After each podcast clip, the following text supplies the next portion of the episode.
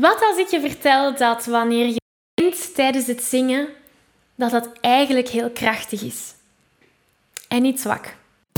Hey, ik ben Maggie. Vanuit mijn passie en talent om mensen de kracht van het zingen te laten ontdekken, help ik leergierige popzangers die op het hoogste niveau willen leren zingen. Worstel je met negatieve stemmetjes in je hoofd die je vertellen dat je niet goed genoeg kunt zingen? Geloof je dat je je bereik niet kunt vergroten of toonvaster kunt zingen? Of word je snel hees na een hevige zangsessie? In deze podcast krijg je tips, tricks en motivatie om te groeien als zanger, je stem te ontwikkelen en je grote zangdromen waar te maken. Zing je graag onder de douche, in de auto, in een karaokebar of zelfs op een podium? Dan is deze podcast zeker iets voor jou. Klaar om het beste uit jezelf te blijven bovenhalen? Let's go! Hallo, hallo en welkom bij deze nieuwe aflevering. Wil je graag de videoversie van deze aflevering meepikken? Ga dan naar YouTube en tik Zangles met Maggie in. En daar vind je al deze afleveringen in videoformaat. Uh, mocht er iets niet duidelijk zijn en heb je beeld nodig, dan kan je daar terecht. Oké, we vliegen erin. Wenen tijdens het zingen geeft je kracht. Veel zangers weten dat je tijdens het zingen een verhaal vertelt. Dus dat je emoties ook moet gaan laten zien en dat je dat met je luisteraar mag delen. Maar veel zangers geloven ook dat wanneer ze verdriet ervaren tijdens het zingen, dat ze dat niet mogen uiten. Want wenen tijdens het zingen is niet oké. Of dat wordt toch zo gezien. En dat wordt zelf als zwak gezien. Misschien kan je daarin wel terugvinden. En het is heel normaal dat we dat geloven. Dat wenen gelijk staat aan zwak zijn. En vooral dan tijdens het zingen. Heel ons leven hebben we ons verstopt wanneer we wenen. Het wordt in de maatschappij eigenlijk ook niet echt geaccepteerd. Hè?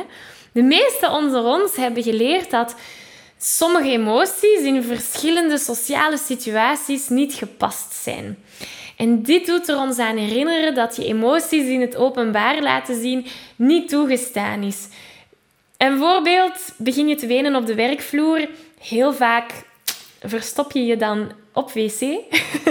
Ga je in uh, het toilet gaan wenen. Of ween je tijdens een koorrepetitie. Hop, je draait je om en loopt naar de andere kant van de zaal om even te bekomen. Of je weent in de supermarkt. Heel vaak ga je je gezicht proberen afschermen. Hè? Als je weent in een openbare plek, we hebben geleerd om dat niet te tonen. Dat is iets waar we mee zijn opgegroeid. Het is dus heel logisch dat we de connectie maken naar het zingen toe en geloven dat wenen tijdens het zingen en dan vooral op een podium, dat dat niet is toegestaan. Maar is dat zo? Stel, je gaat naar een concert en er zingen twee verschillende zangers. Zanger A, die zingt een nummer zangtechnisch perfect. Je bent onder de indruk, het is allemaal goed. Hè? Het is perfect. Zanger B daarentegen, die heeft je emotioneel kunnen raken. Je krijgt kippenvel, je moest zelfs een traantje wegpinken, omdat het verhaal van die zanger een herinnering bij je opriep en je echt kon raken. Welke performance blijft je het meeste bij wanneer je die avond naar huis gaat? Wanneer je over dat concert aan iemand vertelt, welke zanger komt er dan naar boven? Zanger A, die alles zangtechnisch perfect zong, of zanger B, die je echt iets heeft doen voelen? De meesten onder ons die zouden toch zanger B antwoorden. Misschien Jij ook. Of misschien niet, dat kan. En hieruit leren we dat een nummer zangtechnisch perfect zingen niet het belangrijkste is. Ja, het is belangrijk om te weten hoe je zangtechnisch je verhaal moet gaan vertellen, maar die emoties toelaten tijdens het zingen en dit kunnen overbrengen naar je luisteraar, dat is eigenlijk nog veel belangrijker. En dat is wat het verschil gaat maken tussen een onwetende amateurzanger en een zelfzekere muzikant. Dat is het grote verschil. Zingen is altijd al een grote passie geweest, maar het is niet iets dat ik altijd goed kon doen.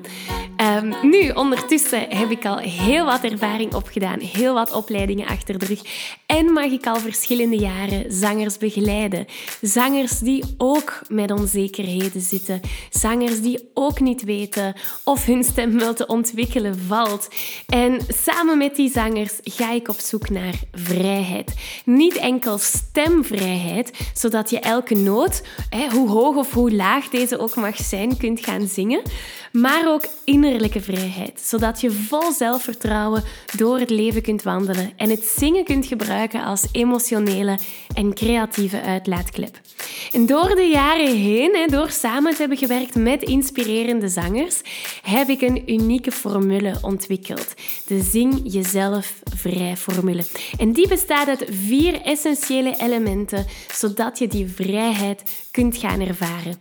Wanneer je je aanmeldt voor de Zelfzekere Zanger Bootcamp, krijg je toegang tot drie gratis live workshops waar die elementen van de Zing Jezelf Vrij formule in detail worden uitgelegd. Je maakt de transformatie mee van onwetende zanger naar zelfzekere zanger. En op dat moment kan je vol zelfvertrouwen gaan genieten van het zingen, maar ook van het dagelijkse leven. Dus als je klaar bent om die vrijheid te gaan ervaren, als je klaar bent om je te ontwikkelen als zanger, hou dan 10 februari 2022 alvast vrij in je agenda. Want dat is wanneer de bootcamp van start gaat. Dit is het event van het jaar. Dit is het grootste event online dat ik heb georganiseerd en ik kijk er naar uit om samen aan de slag te gaan. Ga naar zanglesmetmaggie.be slash bootcamp. Daar kan je je alvast op de wachtlijst zetten, want dan kom je als eerste te weten wanneer je kan aanmelden voor die gratis bootcamp. Ik heb er kei veel zin in, hopelijk jij ook. Tot snel!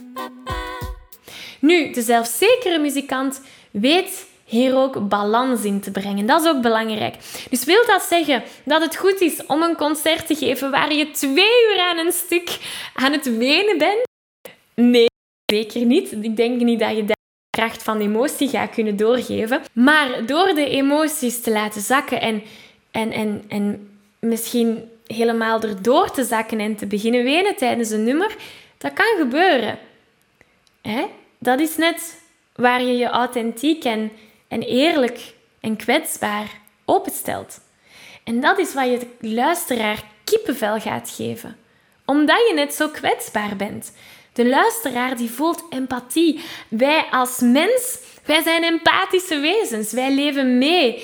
En stel, je ziet iemand op een podium die, die ongemakkelijk is. Dan gaan wij ons als luisteraar ook ongemakkelijk voelen.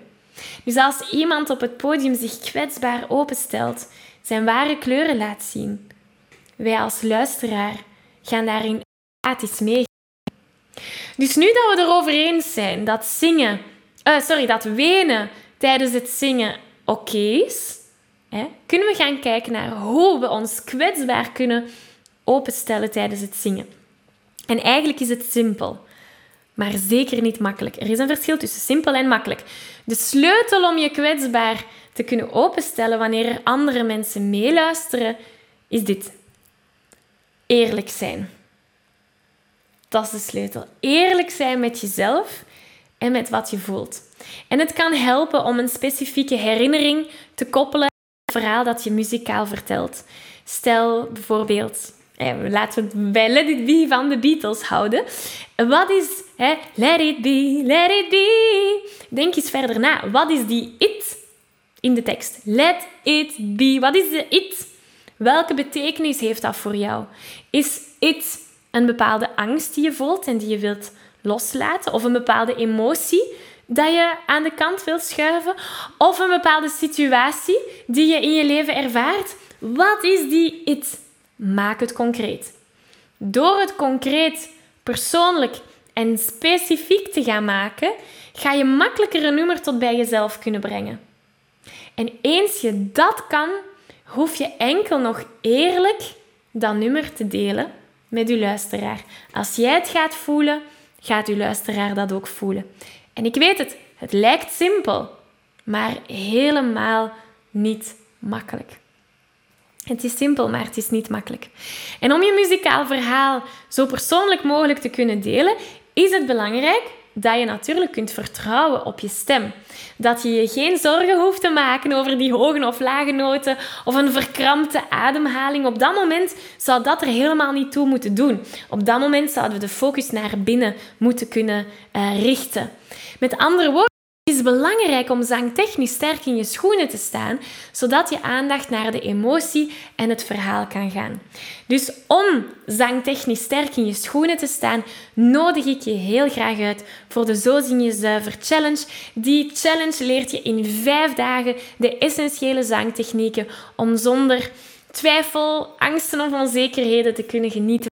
Zingen. Het is helemaal gratis. Je kan je aanmelden via zanglesmetmaggie.be slash challenge. Ik moedig je aan om je aan te melden, want eens die zangtechniek goed zit, dan kan je de focus gaan leggen op het emotionele en het verhaal delen. Ik geef je een virtuele high five. Deze aflevering zit er alweer op. Ging dat ook veel te snel voor jou? Als je nog meer weetjes, oefeningen en zangtips wil, ga dan naar zanglesmetmaggie.be. Wil je eerder deel uitmaken van de leukste online zangfamilie?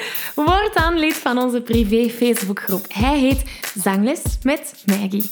Hier kom je in contact met gelijkgestemde zangers, krijg je feedback, aanmoediging en zelfs gratis zanglessen. Vond je deze aflevering leuk en waardevol? Abonneer je dan zeker op deze show. Deel het met je vrienden en laat een review achter, zodat we nog meer zangers kunnen bereiken en de kracht van het zingen kunnen verspreiden. Dankjewel voor je enthousiasme, je steun en tot binnenkort.